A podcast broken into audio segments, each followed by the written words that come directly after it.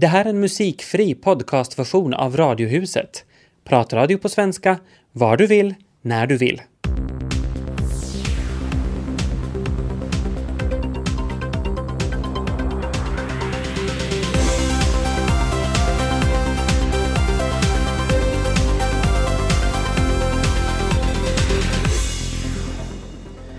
En riktigt angenäm självständighetsdag önskar jag, Tobias Larsson, som välkomnar er alla lyssnare till Radiohuset special. Vi ska prata med Daniel Olin om hur fin han kommer att vara i tv-rutan ikväll då han intervjuar gäster på Slottsbalen. Och så ska vi prata med nyfinländare hur de känner inför den 6 december. Inte minst med bosniska Emina Arnautovic som numera är lokalpolitiker i Närpes.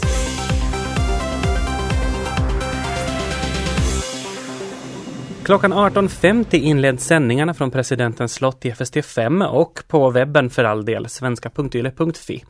Pia-Maria Lehtola, Marco Hetiko och Ted Urho refererar balen medan Minna Knus Galan och Daniel Olin minglar bland gästerna på slottet. Daniel gör jobbet för första gången och jag fick en pratstund med honom tidigare om hur det känns att få gå på bal. Det är spännande, det är jättespännande och roligt, framförallt roligt för att det är ju en, en fest som man har följt med i i flera år, alltså sen, sen jag var barn i, i TV och att nu få vara där på plats och ställe så känns det faktiskt både spännande och, och roligt. Vad är din uppgift i sändningen ikväll? No, min uppgift blir att intervjua gäster, intressanta gäster och också intervjua värdparet, republikens president. Så det blir också spännande. Och det är ju hennes sista, sista bal så det är lite speciellt på det viset som, som värd. Men att sen ska vi träffa gäster, jag och, och mina Knus Golan kommer att, att tala med flera gäster det handlar om, om, folk som har utmärkt sig under året, det handlar om, om eh, människor som kanske varit på flera balar och, och, och har gjort någonting uh, för länge sedan. Eller det, det, det, det lite varierar men det blir, det blir roligt att se. Det, vi har en, en, olika gäster i olika åldrar, olika kön och, och från både liksom och från hela Svenskfinland också. Hur förbereder man sig inför en sån här sändning? Mm. Det, är, det är en bra fråga för att eh, vi får ju inga, inga listor från slottet. Vi vet ju inte exakt vem som kommer dit. Så, så det gäller ju att läsa på en hel del. Vi vet att, att ungefär 2000 eh, gäster är inbjudna. Och, och, då vet vi ju att, eh, att där är riksdagsledamöter, där är Europaparlamentariker, där är, är, är cheferna för, för de största bolagen i landet och, och där är idrottsmän som, som vunnit, vunnit VM-guld och, och, så vidare och så vidare. Och, och då gäller det förstås att, att läsa på och kunna och veta att vem, hur ser den här människan ut? Hur ser den här hockeyspelaren ut i, i frack till exempel? Det är inte alls så lätt, allt för lätt att veta. Och, och, och, läsa på, göra listor och fundera och där hjälper ju kvällstidningar hjälper ju oss. De, de brukar ringa runt och, så det gäller också att läsa kvällstidningarna eh, före, före eh, Slottsbalen. Men sen att läsa på och, och, och fundera att vem skulle man, till exempel min roll i att intervjua, vem, vem är intressant, finns det någon, någonting som sådana här människor skulle kunna berätta som vi inte har hört tidigare och så vidare. Och, och det där och sen gäller det förstås mycket att, att, att använda sökmotorn Google och googla och söka och söka liksom bilder det är ju på det viset det är alltså till enorm hjälp för att om, om man om man skriver in till exempel Tobias Larsson i sökmotorn Google och trycker på bildsök så får man en bild på Tobias Larsson. Och, och det här hjälper ju oss för att hitta till exempel att veta hur en ishockeyspelare ser ut i, i frack är inte alldeles det, det lättaste. Hur delar ni då upp gästerna mellan er om ni inte vet på förhand vem ni vill intervjua? No, nu har det faktiskt varit så att, att vi, vi säger Pax, den, här, den här personen vill jag, vill jag intervjua. Vi har ju lite, vi vet ju ungefär att, vi vet till exempel att, att hela ishockeylandslaget är, är bjudna. No, de flesta av dem spelar i, i USA eller i, i, Kanada eller i Ryssland, så allt för många kommer inte att komma, men vi vet till exempel några som kommer. Och, och, då ringer vi upp den här personen och säger att ja, att vi har förstått att du är på väg och, och, och försöker lite tala inför, alla kan vi inte göra det med, men med de flesta ändå att man kan lite förvarna den här människan. Och sen är det med Minna, så har vi en, en dragkamp, Minna och jag, att vem som får intervjua vem. Och, och vi har nog kommit bra överens så här långt. Kvinnorna får vackra klänningar, håruppsättningar, allting sånt. Hur uppsnofsad blir du inför den här sändningen? Jag har en, en väldigt välsittande frack och, och eh, så gäller det förstås inte att, att, gå till barberaren här, här innan och, och, och frisera det, det sista och, och men att visst är det ju förstås att ha en, en, en fin, fin frack och hela den här det är ju inte varje dag jag, man går omkring med frack så, så det är ju spännande nog med att nu ska jag säga att, att vi, vi också, vi män är väldigt stiliga där. Hur viktigt är det som reporter att uh, smälta in i den här feststämningen på slottet? Nu måste man försöka att man kommer in i, i, i, den, här, i den här stämningen som finns där. Och att, att man liksom inte på det viset att, att, att uh, inte hela gästerna ser att där har vi en, en liksom journalist att vi kommer förstås att finnas på vissa platser som är utmärkta för, för journalisterna Och, och där har vi, men att eh, visst ska man kunna smälta in så man ska vara, vara en, en, av, en i festen där bland många andra. Det är som sagt din första bal. Eh, vad har du fått för tips av kollegorna som har varit med tidigare? No, ganska många. Eh, allt, från, allt från att var toaletterna finns så till, till att när vi kommer med en gemensam buss, hela det gänget som, som kommer från Yle och åker från Böle till, till slottet så rusa inte ut från bussen för det brukar ofta blåsa och vara kallt där vid, vid kajen och, och då så, för, så får du både kallt och din, din frisyr förstörs och så vidare. Alla sådana små tips som, som, som hjälper. Och, och sen förstås också det här att, att det är ju, när man står där i vimlet så är det ju mycket oljud och, och det gäller att kunna koncentrera sig och, och inte till exempel skrika i mikrofonen även om, även om det är mycket bakgrundsljud och, och, och så vidare. Och, och sen vet man ju alltid det här som det är med direktsändningar det kan gå fel, någonting kan gå fel. Det kan vara tekniken slutar fungera, det kan vara att, att, eh, att eh, sändningen drar ut på någon, någon eh, del av sändningen inte, inte håller, håller på det viset att det drar, till exempel det som många tippar nu idag är att den handskakningen kommer att ta längre än tidigare. Därför att det är Halonens sista år som, som president och då är det ju många som vill växla några ord med, med presidenten såklart. Och det här har vi ju förstås måste räkna med att då kan det ta några minuter längre. Du tänker att det är 200 gäster som kommer in och om eh, tusen av dem talar fem sekunder längre än vad man borde göra så då blir det ju flera, flera minuter. Rent journalistiskt, hur krävande är den här sändningen? I det här fallet så, så krävs det kanske lite andra journalistiska kunskaper än vad jag var med från, från nyheterna. Nu gäller det ju inte att, att liksom egentligen ställa någon till svars för någonting. Det här ska vara en trevlig fest och vi ska tala med intressanta människor. Men, men visst läsa, gäller det samma sak som, som journalister överlag att läsa på, ta reda på, göra research eh, och, och allt det här. Så det, det, visst är det krävande men på ett annat sätt. Vilken typ av frågor kan man överhuvudtaget ställa på en slottsbal? Det beror lite på vem, vem man intervjuar men att visst tycker jag att man kan ställa sådana frågor som, som kanske Ska vi säga så att man har ju den förmånen att man kan träffa människor som, som kanske normalt bor ute någonstans i världen och som man inte ofta får intervjua. Så nu kan man ställa, ställa frågor också. Det, det är kanske inte riktigt rätt eh, forum att, att börja ställa allt för kniviga och, och, och, frågor men visst kan man ställa både personliga och, och sådana frågor som, som, som många kanske då eh, funderar över. Av allt det här som dina förberedelser har inneburit, vad är den största utmaningen med Slottsbalen? Det finns många men eh, nu är det, det kanske det att du sitter några dagar inför och planerar och du funderar på det här. Och, och, det är svårt att veta exakt vad som kommer att hända. Och då när du är i direktsändning så gäller det att då, då vara på hugget och göra det bästa. Och, och försöka få för min del då de människor som jag intervjuar att, att verkligen bli intressanta och, och, dela med sig sina erfarenheter. Och det är inte alldeles, alldeles lätt alltid. Folk är är, ibland lite nervösa och det, det händer förstås mycket också runt omkring där. Att då verkligen vara på hugget och vara taggad när, när det gäller, det är kanske den största utmaningen för min del åtminstone. Det här är ditt andra stora eldprov i år, för i våras så ledde du valvakan. Hur stor skillnad är det på ett val och en bal? No, det är ju en direktsändning, valvaka en, en direktsändning, en slottsbal en direktsändning. Eh, men visst finns det ju en, en, en skillnad, så själva inramningen I en valvaka så sitter vi i en studio i, i Böle. Eh, vi har gäster som kommer och går och vi har kontakt med våra reportrar som finns ute, ute på, på de olika valvakorna. Här så, så finns du inne i, i presidentslottet och, och, med 2000 gäster och alla, alla klädda i antingen frack eller långklänningar. Så nu är det ju enorm skillnad men, att, eh, men, det, men det, det, finns ju en gemensam nämnare och det är att det här är en, en direktsändning. Ha en det, trevlig fest. Tack så mycket.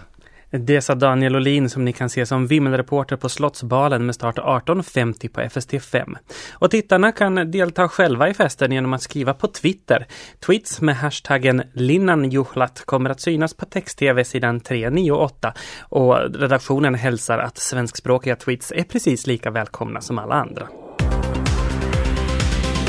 Ja se zovem Aida Simidžija, dolazim iz Bosne i živim u Jag kände igen det där med närpes, men resten? jag heter Aida Simidžija, kommer från Bosnien och bor i Närpes. No, jag kom som kvotflykting till Närpes år 97. Delaktig i Finland är ett nytt riksomfattande projekt för integrering av invandrare i vårt land. Lilian Ivars i Närpes är projektplanerare för K5-området i Österbotten som sträcker sig från Malax i norr till Kristinestad i söder. Inom projektet Delaktig i Finland finns tre inriktningar. Arbetsinvandring, särskilda grupper, till exempel analfabeter, och barn och ungdom.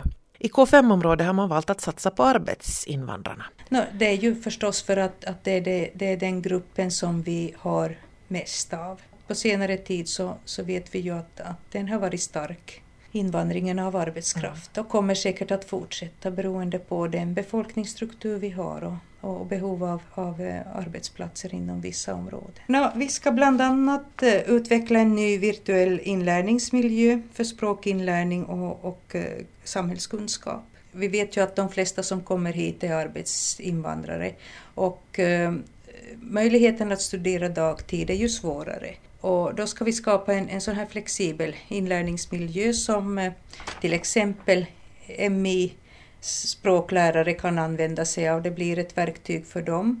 Och den studerande kan då sitta i hemmiljö eller i, i skolmiljö eller lite var som helst och, eh, och studera språk. Så jag har bott i Närpes i 14 år nu. Och jag kom via Tyskland, eh, så först eh, bodde jag ett år i Tyskland med min dotter. Och sen eftersom mina föräldrar har redan varit här eh, som flyktingar också, så kom vi här som återförening, familjens återförening.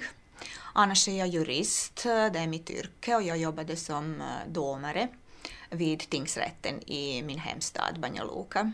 Och sen under kriget, två till tre år nästan, så jobbade jag som advokat. Men det är tyvärr, tyvärr inte möjligt att utöva mitt yrke här. Så det är det där den svåraste delen av min integrationsprocess mm. här i Finland. No, vad gör du nu? Nu är jag språkcoach för ett projekt. Mm. Och jag jobbar så, som språklärare Eh, i svenska för arbetsinvandrare och sen tolkar jag. Alltså för mig personligt eh, kändes det inte så hemskt svårt eh, eftersom jag redan kunde tyska. Så det var mycket lättare att, att lära sig ett språk till. Uh, I synnerhet svenska eftersom svenska liknar ganska mycket tyska. Och sen uh, jag hade en positiv inställning vid det där också, att lära mig ett språk så fort som möjligt. Och det är i, i det där eh, integrationsprocessen jätteviktigt. Alltså själva attityd och inställning som man själv har, plus kunskaper, plus en eh, utbildningsnivå förstås. Alltså det är den där delen som gäller eh, mig som invandrare. Men eh, att övriga befolkningen måste visa också flexibilitet och förstå förståelse. För mig var det inte så hemskt svårt därför att jag hamnade i, i mm, en, ett, på ett ställe eh, som Närpes var övriga befolkningen var väldigt positivt, uh, positivt inställda. Så de hade en positiv attityd. Man har ju myntat uttryck Närpesmodellen. När man tittar på Närpes utveckling från slutet av 80-talet fram till idag så var det ju, handlade det först om, om eh, kvotflyktingar som kom och sen så småningom om övergick det i arbetskraftsinvandring. Och att man under de här åren har steg för steg eh, lärt sig hur integrationen ska ske. Språk är ju liksom den första grundförutsättningen för att du ska kunna integreras. Du behöver lära dig språket och du behöver lära dig om samhället. Att det är jätteviktiga saker. Och, och framförallt också det här att vi har ju goda attityder och det har då skapats genom att då människor möts på arbetsplatsen så uppstår det förståelse. Att arbete är nog en välsignelse. Men en del, alltså för mig, som var eh, lite svårt att hitta ett jobb som motsvarar mina kompetenser och mina kunskaper och min utbildning. Så det, det var nästan, det visade sig att det är inte så lätt, nästan omöjligt. Men det är bara så lite svårt att komma in då man eh, har en lite högre utbildning mm. och det är det där negativa, bara det där är så en negativ sak som jag kan säga för det där delen av integreringen för min del. Så det visade sig att det var mycket svårare för mig än för någon som är till exempel svetsare No, det är ju just det här att vi inte ska få grupper som, som känner att de inte är delaktiga i samhället, som, som känner att, de, att det, det skapas utanförskap. Och då vet vi att då uppstår det problem. Om människorna känner sig delaktiga, om man har tillgång till arbete, barnen går i skola och, och, och, man kan leva ett, ett någorlunda normalt liv, man har sin egen ekonomi och man kan skapa sig en, en stadig grund att stå på, så då mår människorna bra och då mår samhället bra. Och då, då sker en, en, en naturlig integration. Att jag upprepar det jag sa i början, att arbete är nog en välsignelse. Det är, tycker jag, egentligen A och O, språk och arbete. Det är det där som är viktigast i en integrationsprocess.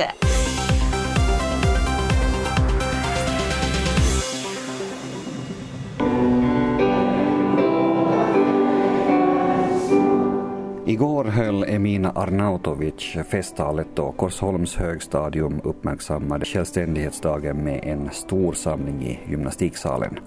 Emina tvingades fly från kriget i forna Jugoslavien och eh, kom hit 1992 under dramatiska omständigheter. Idag är hon mycket väl integrerad i det finländska samhället, jobbar inom äldrevården hon är också lokalpolitiker och hon blev för några år sedan utsedd till årets flyktingkvinna. Tillsammans med eleverna sjöng hon igår vår nationalsång.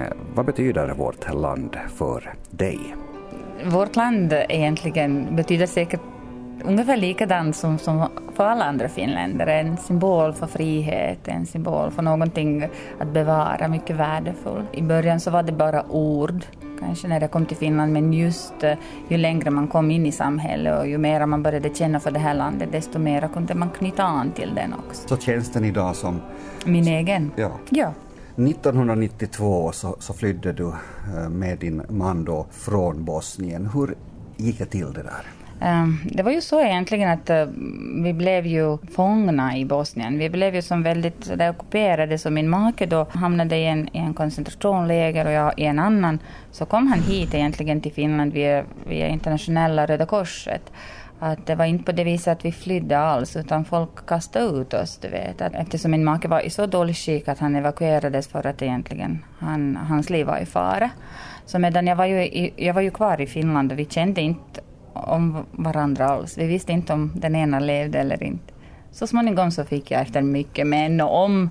höra att han är här i Finland och, och så småningom så tog internationella organisation för migration kontakt med mig och så på den vägen är det. Det var ju fantastiskt det. Mm, det är det. Hur dramatiskt var det? Fruktansvärt. Eh, naturligtvis att eh, från maj, i mitten av maj så var det sista gången jag såg min, min mamma och min far och mina syskon och min man och på något vis vi skildes åt allihopa. Det gjordes naturligtvis systematiskt, man ville nog splittra alla familjer tyvärr så blev det också så att när vi ska som evakueras från det här, för liksom man upptäckte de här enorma förödelse, enorma uh, läger som fanns i Bosnien, då var det en ultimatum från fiendens då, eller mm. ockupators sida, att vi ska ut ur landet. Även om många av oss egentligen ville inte, för vi visste att det här blir slut på våra familjer och allt sånt här. Så min syster till exempel hamnade i Sverige och jag i Finland och min moster då i Tyskland och den andra i, jag vet inte, i Amerika och så vidare. Så mm. de splittrade.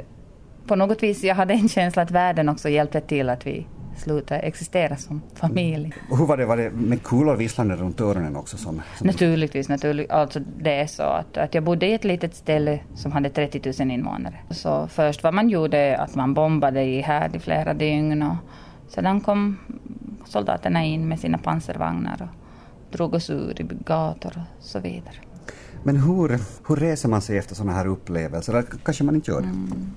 Alltså någonsin så att man blir kvitt jag tror, jag tror inte man någonsin riktigt blir kvitt. Det är som att när man förlorar någon kär människa i familjen, om man förlorar far eller mor eller ett, ett barn eller någonting, du, du aldrig blir riktigt dig själv som du har varit för. Men du blir en ny person och du måste acceptera det. Jag tror att det var den vägen jag har valt. Det tog jättelänge att förstå att jag kan inte längta hela tiden efter en av mina som har existerat före 1992. För den egentligen fanns inte. Med alla mina nya upplevelser så var jag helt kallt tvungen att acceptera den nya mina som den är. Och det tog jättelänge. Det tog mm. ju kanske 12 år. Ja. Med andra ord så har du eh, just nu levt två liv då? Egentligen. Egentligen mm. upplever det. Jag känner jättestarkt för mitt hemland också, Bosnien. Jag skulle aldrig vara den finländare jag är idag ifall jag har inte eh, det här inom mig också. Men samtidigt så, så jag accepterar också att mina sorger är också någonting som är del av mig. Det tog jättelänge att göra det. Och den första tiden då, mm. sen, hur var den? Mm, I Finland, det var ju så att äh, varje människa som kommer från så här tragiska förhållanden så tror att det här är en tillfällig lösning. Så gjorde vi också. Vi var 28 stycken som kom till Närpes så vi alla tänkte nästa år är vi hemma. För vi, jag bara såg framför mig den där bilden när jag lämnade min far och min mor då, och allihopa som vi sedan hittade på något vis varandra under krig och så vidare. Och så igen så ska jag lämna dem. Så ingen liksom kommer riktigt ur sådana förhållanden frivilligt, utan det är ett tvång på ett eller annat vis. Men samtidigt så, människorna gjorde så att jag förlorade tro i människan mm. under kriget. Men samtidigt var det människorna som gav mig tillbaka den här i Finland. Så, så jag tycker det är en sån här, jag vet inte hur man reser sig. Mm. Man bara lever ett stund i tag. Och kanske man börjar jobba som du gjorde ganska fort. Mm, ja, alltså, no, klart jobbet och allt det här är jätteviktigt, det är det. Och jag brukar säga att den här bästa integrering-tips som man har är egentligen att, att i samhället ska engageras. Oavsett hur mycket du har och vad staten lägger, det, det är den vanliga människa som gör skillnad. Det är dagens festtal som Korsholmare bjöd mig på. Mm. Gör alltid att jag växer en liten stund till som person. Och att man ger folk uppdrag som faktiskt motsvarar ens eh, förmåga. Många gånger så är det ingenting som kan slå ens självkänsla som att, man, att lägga ribban låg. Och det är ofta sak med finländ, äh, nyfinländare eller nyinflyttade. Närpes då som tog emot er, mm. vad, vad har du att säga om dem? Närpesborna var väldigt och är fortfarande mycket speciella. Jag brukar säga att jag, jag kan ju säga vad jag vill om det men ingen annan får. ungefär. Du vet, det är som familjemedlemmar. Jag kan ju säga någonting om min mamma men min man får inte göra det. Och så vidare. Men äh, Närpesborna, det, det, var, det var mina, mina arbetskamrater som såg till att jag växte och, och, och gjorde Eh, sådär små, små framsteg och de grät med mig när jag grät och de skrattar fortfarande gör de mm. när jag gör det och, och sådär. Vi lever sida vid sida. Mm. Hur mycket skulle du säga att det beror på, på individen själv det här att man kommer bra in i samhället eh, och hur mycket beror det på, på mottagare, skulle säga, orten? 50-50. Mm, mm. Det är nog 50 procent från båda håll. Problemet är bara när du kommer till ett nytt land så du, du, din inställning är inte att integrera dig. Det är samma sak om du ska jobba i Sverige. Inte vill du vara svensk för det. Du vill ju vara finländare. Så det, det är en enorm process och enorm sorgearbete. Så utöver det att du har ett sorgearbete att, uh, från krig och allt annat och alla separation och sånt, så har du ett sorgearbete att du måste bestämma dig vilka delar av mig själv kan jag lämna bort och vad är det jag ska kunna ta emot. Och det vill du inte. Så allt det här vet jag idag, men då visste jag inte, utan jag hade bara en confused känsla inom mig som sa gör inte det. Så fast jag var ju integrerad på det här, vad ska vi säga, byråkratiska vis, du vet, jag kunde språk och jag kunde mera byråkrati än någon finländare. Inte visste jag riktigt om, om det här landet var mitt, om jag ville vara här, utan det, det är ett process som, som tar jättelänge. Så jag tyckte det, det är mycket, mycket sådär upp till var, var och en och samtidigt också jag måste få rätt eh, mottagande. Så blev du också vald till årets eh, flyktingkvinna här för några år sedan. Vad betyder det? Strax efter att jag kom till Finland så började jag inse hur viktigt det är att behålla sin del av kulturen. För att du ska kunna vara produktiv del i det nya samhället så måste du veta riktigt var är du i förhållande till det gamla landet. Så jag alltid har älskat mitt land. Mm. Där jag föddes i och, och jag, jag, ville nog fortsätta med det också att, att utveckla det bland våra barn. Så jag startade många olika projekt med, med dem och med unga och äldre och kvinnor speciellt. Det betydde då att någon har sett mig. Någon har bekräftat det jag har gjort. Och även om jag inte själv har förstått vad det betydde så var det ett steg. Okej, okay, jag faktiskt kan kanske slappna av lite. Så blev det också en visit på Slottsbalen, Ja, det var det. vilket många va- vanliga människor får, får, får den äran. Så, Ja. Ja, hur, hur minns du den kvällen? Åh, jag var så nervös. Jag, jag, jag, jag är så tacksam att Jasmin var med mig. så, han, han var en klippa. För jag, jag kommer ihåg att jag var jättenervös. Jag, bara funder, jag satt ju bredvid de här isprinsessorna, vad hette de Kira? Och, Korpi ja, Korpi och- och jag, jag vet ju att vi bytte skor där i, i aulan. Inte, inte kommer de ihåg mig, de vet inte ens vem jag är. Men jag vet vem de är och jag tänkte åh, vad gör jag här? Nej men det var, det var jätteroligt. Det var underbart roligt och jag, jag kände mig som ett barn i, i en sån där godisaffär. Där det, alltså inte på grund av alla människor utan mer den där känslan av, av du faktiskt befinner dig på något sätt i hjärtat av självständig Finland just den kvällen. Så kändes det. Och om du tänker tillbaka på ditt förra liv då, så Mm. vad saknar du mest från Bosnien? Jag saknar till exempel min favoritprogram när jag sätter på, när jag var, li, när jag var liten, när jag var ung så lyssnade jag på sån här, typ Radio Extrem här. nu lyssnar jag på Radio Vega. Så jag kan slå var, ifall jag, ifall jag flyttar tillbaka till Bosnien så kommer jag att sakna Vega då. jag saknar faktiskt eh, en, en, som sagt en tillhörighet. Alltså nu, nu börjar det kännas bra här i Finland men, men det är det där att, att man en nätverksamhet där jag vet att precis jag kan skoja och de här koderna går rakt. Att in, jag blir missförstådd rätt, du vet. Att jag behöver inte hela tiden tänka på koder som, som den här människan har. För varje samhälle har sina koder och, och det här eh, hur man ska bete sig och vad är det man ska säga. Så jag, jag är väldigt jag är ganska fri här också, men hela tiden måste jag också fundera, okej, gick det här riktigt rätt till? Sa jag rätt sak i rätt stund? För jag vill inte ändra mig så pass mycket att jag blir jätteassimilerad. Jag vill nog fortsätta vara som jag är. Det är säkert en sak som inte vi, vi som alltid har bott i ett land tänker på, att, att det måste alltid gå omvägen via, Ja. via ursprunget så att säga. Exakt, Allting. alltid, alltid. Och jag tycker det är också rikedom. Det är en filter, men det är också det är mycket befriande att vara till exempel i politik med en sån där attityd. Vet du? Det, det kommer ibland vad som helst. Det är ganska befriande. Ja. Men eh, vad skulle du säga att du värdesätter allra mest här hos oss i Finland? Möjligheten att, att faktiskt förverkliga dig själv, dina drömmar och, och, och vara produktiv person här. Att på grund av dina förmågor och avancera och utveckla dig i det här landet. Inte på grund av någon annans inflytande över dig. Och jag tycker det här är någonting som många, många tar för givet. Och jag blir alltid lika upprörd när folk ger upp och säger att nej, det går inte att påverka, jag tänker inte göra någonting. Nå, klart att det är svårt, men det här är också demokrati. Det är det och att det betyder också att alla måste höras och synas och då är det flera starka viljor som ska som, som på något vis parera varandra. Så jag tycker att vi har ju enorm möjlighet att påverka bara om vi är många men visst känns det också för mig ibland att, att oj då. men det är bara en stund och sedan vaknar man och säger no, no, vi börjar på nytt. Så är det väl nog så att eh, i medierna så får man uppfattningen att eh, vi har ett kyligt invandrarklimat här just nu i Finland. Uppfattar du det på samma sätt? Jo, jo, det gör jag och jag är jättesorgsen över det.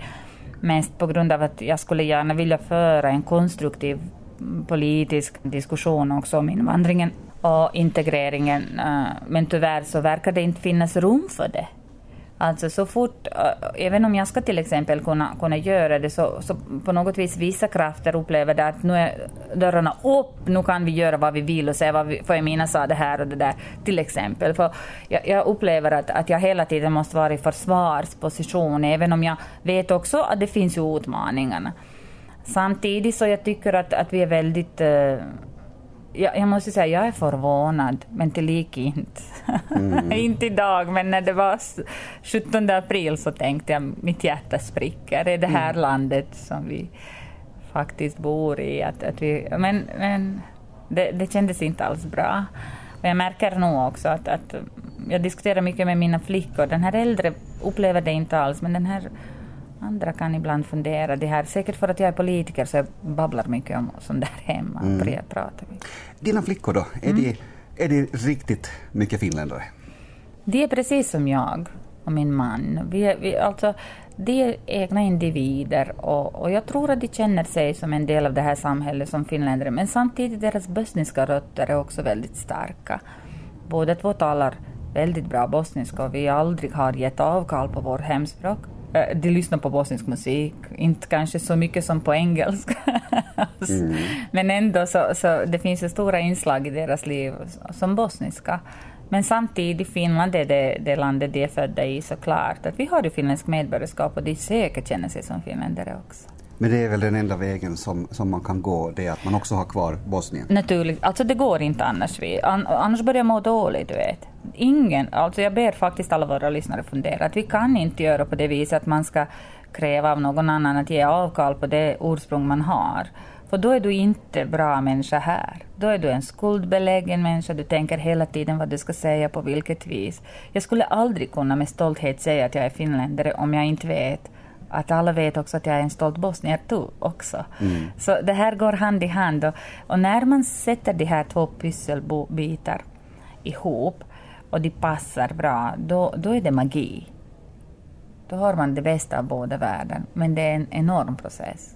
Låter fint det där, Nina Arnautovic. Du höll ju också då avslutningsvis ett mycket uppskattat tal här inför högstadieeleverna. Vad vill du att de ska åtminstone komma ihåg av det du sa? De ska, imorgon så ber jag alla unga och gamla, men det här var till unga nu sa du, att stanna en stund och fundera över den förmå, eh, förmån vi har att, att vi bor i ett land som Finland. Fundera över att vi, vi imorgon, om du vill studera på vilken universitet, vilken högskola, vilken yrkesskola i Finland som helst så kan du göra det. Dina föräldrar behöver inte sälja bil eller en, en bit jord eller någonting eller vara helt... Liksom, du behöver inte vara rik för att göra det, som i många, många andra länder. Uh, du har ju också möjlighet att uttrycka dig fritt. Och, och du har ju ett land som egentligen vi är skyldiga att bevara och ta ansvar för. Och jag verkligen hoppas med det att eh, jag ber faktiskt alla unga människor ta vara på den här verktyg de har fått just med skolan, utbildning och allt det här som den erbjuder. Och att vi bygger fortfarande, för det här, den här underbara landet, det är en arv som är så helig. Jag hoppas att de ska tänka på det.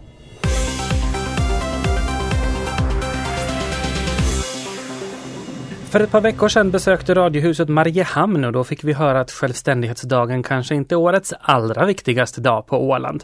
Jag ringde upp en av våra gäster från Mariehamnssändningen, vdn för Ålands näringsliv Daniel Dahlén, och frågade honom hur finländsken ålänning känner sig just idag. Ja, det är väl lite som vanligt. Inte kanske sådär värst mycket utan man känner sig i första hand som ålänning. Hur mycket firar man självständighetsdagen på Åland? Det beror väl lite på från familj till familj, men i stort sett så ska jag väl säga sådär rent generellt att det är inte så hemskt vanligt att man firar det och vi i min familj har nog aldrig firat den finländska självständigheten utan man tar det som en vanlig dag och ofta får man och shoppar vanligtvis oftast i Stockholm faktiskt så de flesta ålänningar befinner sig i Stockholm en sån här dag. Jag skulle just säga det att fördomen säger att ålänningar drar till Stockholm. Hur, hur mycket sanning ligger det i det? Ja, det ligger väldigt mycket sanning i det. Även om jag tror att det har gått ner lite kanske nu, men eh, de flesta åker faktiskt till Stockholm en sån här dag. Ja. Men när firar ålänningarna? Ålänningarna firar 9 juni vanligtvis. Det är ju så. Vi har ju vår egen lilla självstyrelsedag som vi firar. Så att det är ju det som, som i första hand ligger närmast. Och hur firar ni den? Ja, då brukar det vara med pukor och trumpeter tänkte jag säga. Nej, men det brukar vara tårta på torget i stan och man brukar ha underhållning hela, hela kvällen med olika konserter och sen så brukar det vara lite parader och sådana saker. Hur många känner du som tänker titta på presidentens bal ikväll? Ja, det är nog ganska många tror jag. För man brukar i alla fall titta på den sändningen brukar det tittas på för att det tydligen väldigt intressant det där att se vem som bär vilken klänning och vilken, vem som har vilken kostym på sig eller smoking. Hur tänker du själv fira? Jag tänker fira som många ålänningar på väg hem mot Åland igen för att jag har varit som många andra i Stockholm idag. Så, så jag kommer att sitta på färjan och fira. Då får du ha en glad självständighetsdag på färjan. Ja, tack detsamma till dig. Det var kanske lite si och så med firandet på Åland om man får tro Daniel Dahlén. Men jag ringde också upp Christian Bertell som är programledare för programmet Finska pinnar på Sveriges Radios finska kanal Siso Radio och frågade honom hur finländsk man känner sig som exilfinländare en dag som denna.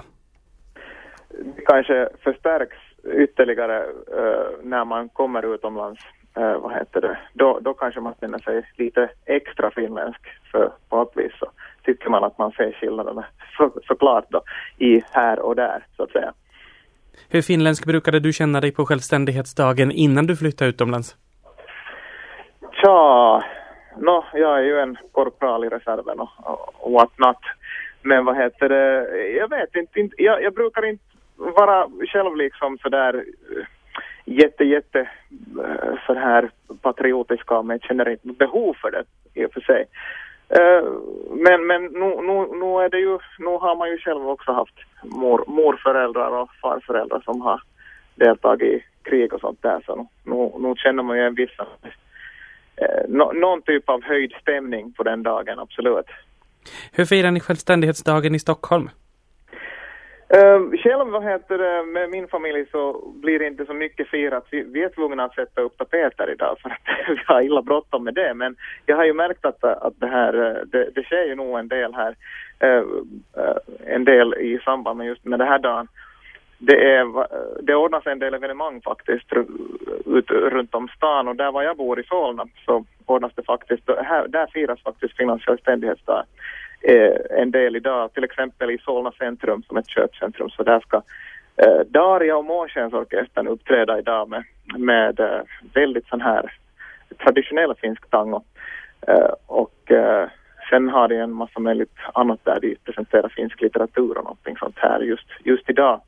Och sen eh, alla, all världens, det finns ju all världens finska föreningar över hela landet här så de, de ordnar en massa grejer förstås var för sig och, och sen såg jag att i Umeå så ska de tydligen ha, ha en hel del grejer på gång på Umeå torg och, och fira, fira vad heter det, Finlands självständighetsdag. Vilka traditioner blir viktigast när man själv bor utomlands? No, plötsligt känns det väldigt viktigt att äta karelsk pirog och, och sådana här saker.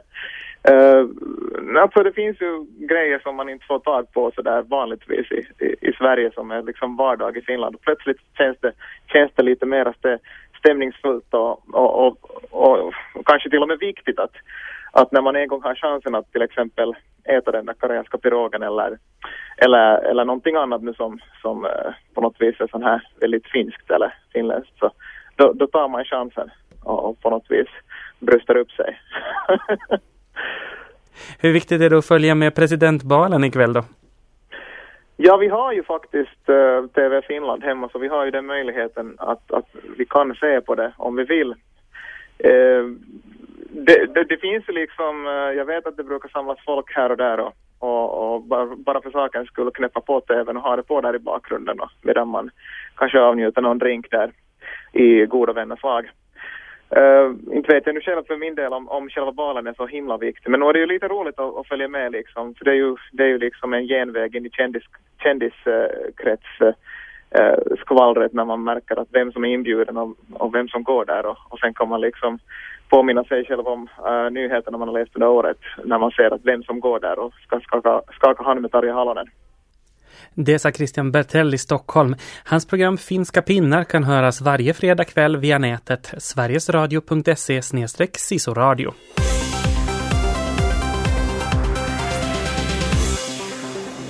De kommer långt bort ifrån, har olika kulturbakgrunder, men de har det gemensamt att de integrerat sig väl i den svensk-österbottniska myllan. Först ut är Sohrab Arari som kom till Vasa för 27 år sedan för att studera till ingenjör vid Tekniska.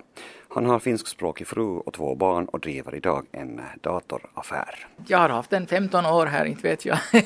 jag har överlevt olika upp och ner och jag klarar mig riktigt bra faktiskt. Inte har jag någonting att klaga på. Och det är förstås att eh, när det kommer in iranska kunder hit så då har du förstås inga problem. Men det verkar inte som du har med svenskan och finskan heller. Har det varit svårt med de språken? Nå, inte vet jag. Jag har kanske mera problem med, med, med iranska. Är det så? Finska och svenska kanske går bättre lite grann. Men vi har faktiskt just det här finsk, svensk och, och engelskspråkiga kunder här i den här trakten. Och det är många studenterna och sånt som studerar här på universitet och sånt. Så då vi hamnar och pratar nästan på alla språk här nästan. Mm. Beskriv oss finländare, hurdana tycker du att vi är? Det är svårt att förstå finländare, jag ska säga ärligt. Mm, varför? Uh, mentaliteten är annorlunda, kanske det här just vädret, om du tänker att man är inte ute på kvällarna alls överhuvudtaget. Man går hem direkt och med sin egen familj och man är inte ute på det sättet att njuta av vädret och, och klimatet och sånt. Man är ute bara för att handla och sedan springer man hem igen för att det är så kallt. Lite tråkig alltså? Lite, no, på det sättet ja, ja absolut. Mm. För att man märker genast också att finländarna kan bli en glada människor på somrarna. Och det är just det här klimatet gör det att för oss utlänningar kanske det är lite svårare att, att anpassa oss med, med det här klimatet, med det här befolkningen. Jag antar att du skulle tycka att vi skulle ha konstens natt här i Vasa varenda sommardag? Nej, absolut, och lite varmare väder. Känner du dig ändå Sohrab Arari hemma här? Jag känner mig nu åtminstone efter 27 år kanske mer hemma här än, än där. För att familjen är här nu, businessen är här. Så det är som på det sättet, om jag ska säga åka tillbaka så åker jag för en kort tid för att hälsa. Men hemma jag ska säga att det är nog mera här faktiskt. Susan Lindén flyttade till Vasa från Filippinerna för nio år sedan efter att ha förlovat sig med en finlandssvensk. Det tillsammans med studier på Evangeliska folkhögskolan gjorde att hon fortlärde sig svenska. Sen blev det frisörstudier och nu hittar man henne klippandes och färgandes hår i Revel Center. Och där behövs ju finskan också. Ja, det går bra. Men det var ju så förstås i början att äh, finskan eh, vet ju alla att, äh, att det är väldigt svårt språk och jag kunde inte alls någon finska heller. Det är alltid förstås det där att det språket man lär sig måste man ju använda också genast och, och kunna liksom våga prata och sånt.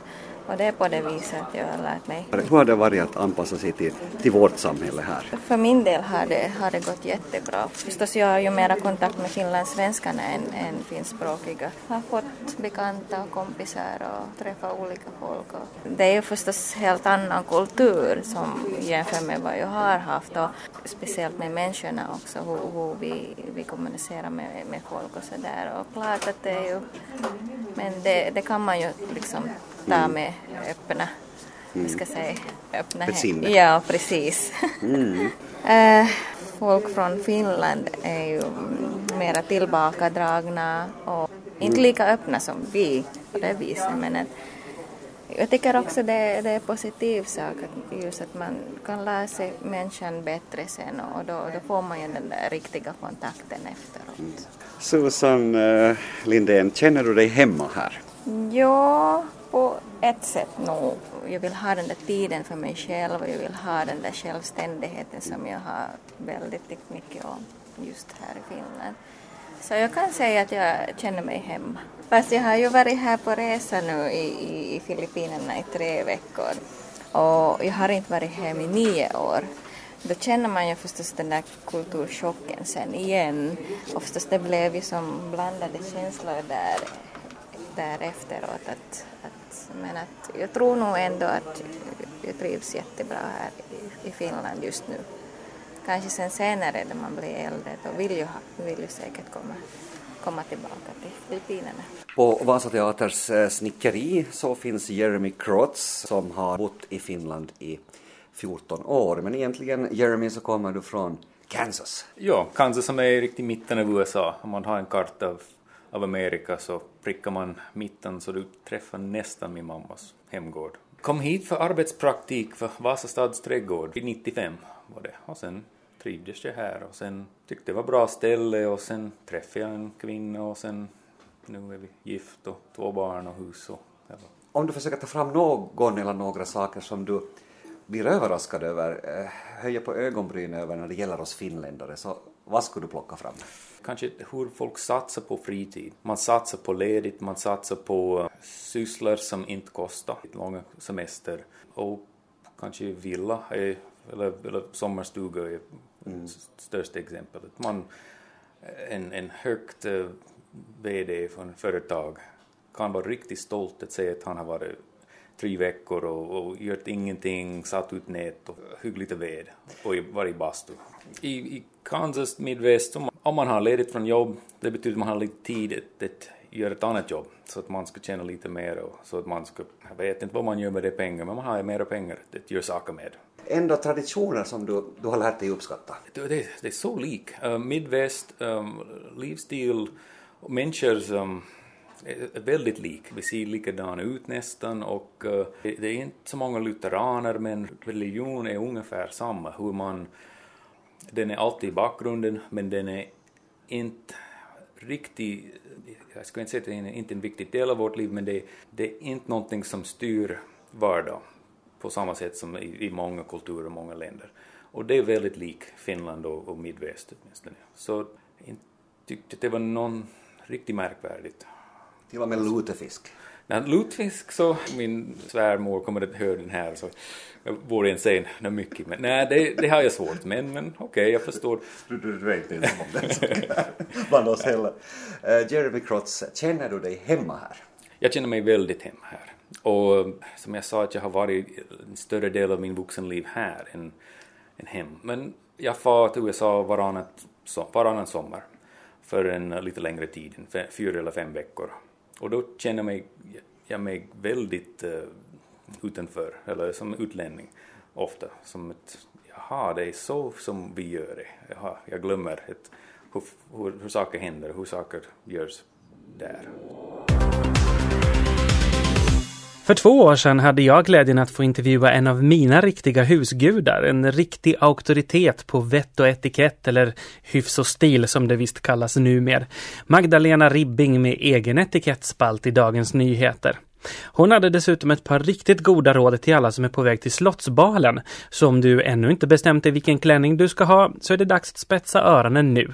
Vad är det man ska tänka på för att ha en riktigt trevlig kväll på slottet? Att de är glada över att de får gå på en sån underbar kunglig fest är det ju i, i den bemärkelsen. Och det är roligt därför att det är ju en saga. Man är ju en del i en saga, man ingår i en berättelse nästan, en historia, Finlands historia och den är säkert med traditioner till den gamla finsk-svenska tiden. Och man har en eh, roll i den här sagan och den rollen är att man är eh, eh, vackert klädd efter, eh, efter önskemålet och i, på Finlands eh, presidents bal så är det frack som gäller, det vill säga högtidsdräkt. Jag tror att det är civil högtidsdräkt, jag tror inte man har uniform, men det vet inte jag så det ska jag inte påstå. Eh, jag tror att det är civil högtidsdräkt, det betyder alltså frack, vit pikérosett för männen och vit väst och att inte knäppa frackrocken med det där medföljande lilla transportsnöret som finns. Det är många som gör och det gör man inte. Det har man bara när man stiger upp till häst för att den öppna frackrocken inte ska glida av, vill jag meddela herrarna. Damerna har eh, långa, golvlånga klänningar och så har de eh, eh och det är fäst, eh, av festligt material men de behöver inte ha urringat och barärmat om de inte vill. Och jag tycker att det är lika bra att de låter bli det där väldigt urringade och barärmade om, om de inte passar i det. Det är inte urringningen som konstituerar festklädseln utan det är materialet och snittet på klädseln. Man kan alltså ha en höghalsad och långärmad galaklänning om materialet är utpräglat festfint, glittrigt. Alltså man kan titta på den svenska drottningen. Hon har haft några gånger på Nobelfesten som är en sån stor fest också. Fast Finlands presidentsbal är finare än Nobelfesten tror jag. Mm, eh, I alla fall i Finland. Men den här eh, klänningen som jag tänker på som drottningen hade, den hade långa ärmar och var knappt alls urringad. Och det var en riktig galaklänning. Så det går mycket bra att ha det. Eh, männen har i Finland, och det skiljer sig från frackklädseln i Sverige, vita handskar. Och det är gammaldags och det är jätte jättestiligt. Det är så, det är, ni är så underbara i Finland med sådana saker, att ni håller fast vid de gamla traditionerna. Det har man inte till frack i Sverige, praktiskt taget aldrig idag. Men det har ni. Och det, de där vita handskarna som männen har till sin frack, de är ju till för att skydda damernas klänningsliv när man dansar. Så att inte det ska komma några, eh, några varma manshänder mot eh, ryggen på klänningen eller hur det nu är. Men eh, männen tar av sig sin högerhandske när de hälsar. Om enligt traditionen. Jag utgår från att det är så i Finland också. Jag har nu inte haft det otroligt stora nöjet att vara på en sån presidentbal och jag tror inte att jag blir bjuden någon gång heller, det finns ingen anledning. Men eh, jag tror att, att det är som, som enligt konventionen att männen tar av sig sin högerhandske även Eh, i Finland. Medan damerna, om de har långa handskar till sin långa klänning, som de då kan ha mycket väl, men de inte måste ha, då behåller de handskarna på. Den enda gång som damerna tar av sig sina långa festhandskar, det är när de äter någonting, när de äter middag. Det är alltså absolut inte okej okay att äta med handskarna på. Och det är därför aldrig korrekt att ha ringar utanpå handskarna. Det är alltid fel att ha det för kvinnor och naturligtvis för män. Och sen har jag ett tips till alla damerna ha nu inte de här som alla modebutiker och, och dumma eh, modetidningar föreslår, den lilla kuvertväskan till fest. Därför att ni har ingenstans att lägga den. Det är hopplöst när man har en liten kuvertväska. Och den kan man ju se trevlig ut när man går eller står. Men vad gör man med den under middagen? Vad gör man när man dansar? Det är hopplöst.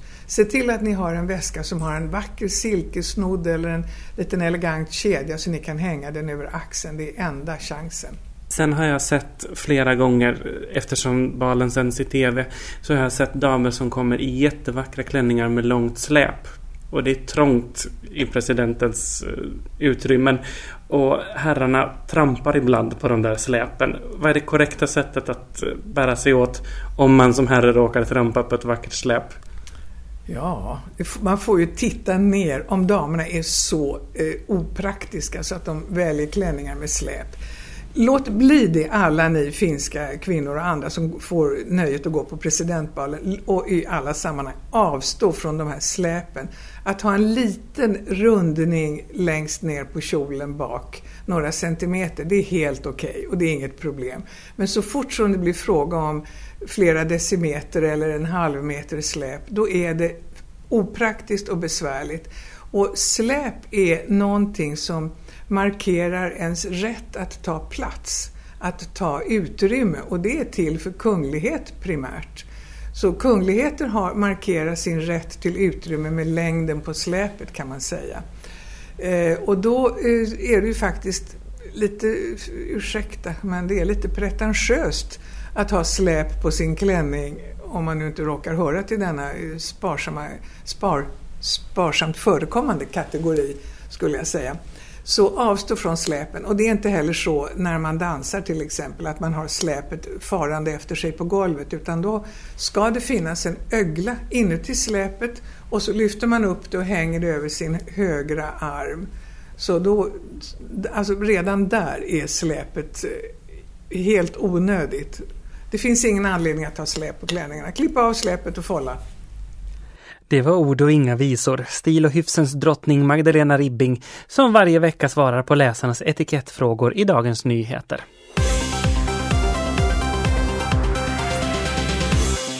Det här var en musikfri podcastversion av Radiohuset som sänds i Radio Vega måndag till torsdag. Mer information om programmet hittar ni på svenska.yle.fi radiohuset.